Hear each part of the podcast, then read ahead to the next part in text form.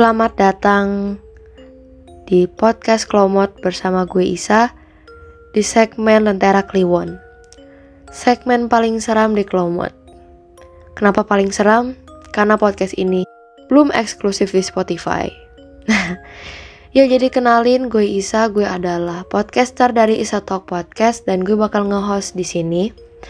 Dan segmen ini adalah segmen di mana kalian bisa berbagi cerita horor kalian dan gue akan membacakannya di sini. So di episode kali ini kita bakal bahas cerita dari M. Judulnya adalah Lapangan Kosong. Kejadian ini terjadi pada tahun 2008, tepatnya pada saat M berumur 4 tahun. Jadi dulu, setiap sore, ibunya M dan M memiliki kebiasaan untuk jalan sore keliling komplek. Akhirnya pada satu waktu, M pun akhirnya memiliki babysitter yang biasanya dipanggil Mbak. Jadi pada hari itu adalah hari pertama di mana mbaknya kerja di rumahnya si M. Dan untuk pertama kalinya mbaknya M dan M pergi untuk jalan sore. Sebelum mereka berangkat, ibu berpesan kepada mbaknya M. Mbak, nanti kalau misalnya jalan, jangan lewat lapangan kosong ya, di dekat lapangan futsal.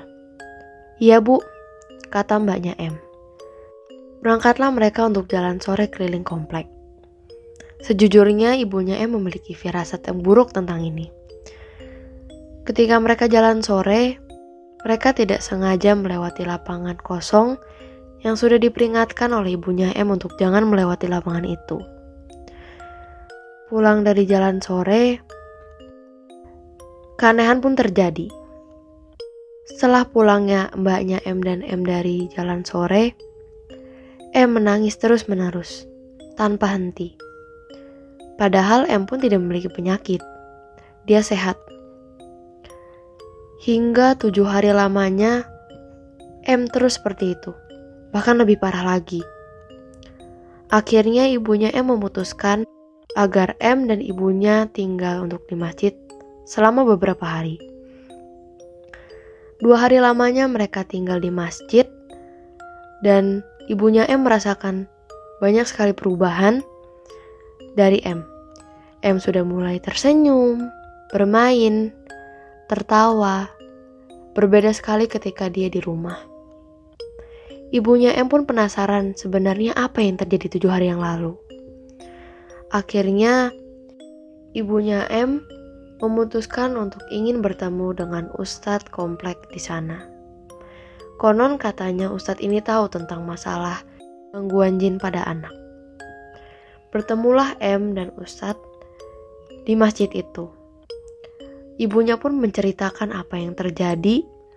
Lalu Ustadz pun memanggil mbaknya M dan ibunya M agar menjelaskan sejelas-jelasnya apa yang terjadi tujuh hari yang lalu.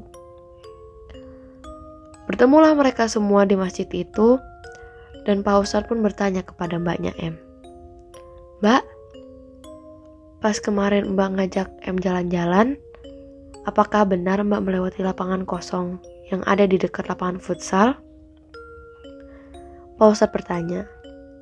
Mbaknya M pun mengingat kembali kejadian itu dan baru menyadari kalau misalnya dia tidak sengaja melewati lapangan kosong itu. Iya Pak Ustadz, saya baru ingat saya tidak sengaja melewati lapangan kosong itu. Kata mbaknya si M. Sontak ibunya M kaget dan Pak Ustadz memutuskan untuk pergi ke lapangan kosong sendirian. Setelah Pak Ustadz datang dari sana, Pak Ustadz pun menceritakan kurang lebih apa yang terjadi terhadap M. Konon, di lapangan kosong itu terdapat jin perempuan yang sangat sangat menyukai anak kecil. Salah satunya adalah M, karena M termasuk anak kecil yang sangat lucu. Setelah lewatnya mbaknya M dan M dari lapangan tersebut, jin itu ternyata mengikuti mereka hingga tinggal di rumah itu. Karena keinginan jin perempuan itu untuk menggendong si M. Karena jin itu terus-menerus mengganggu si M, dan akhirnya M pun tinggal di masjid selama dua hari, jin itu tidak bisa mengganggu M lagi. Dan akhirnya Pak Ustadz memutuskan untuk menutup mata batin si M untuk selamanya.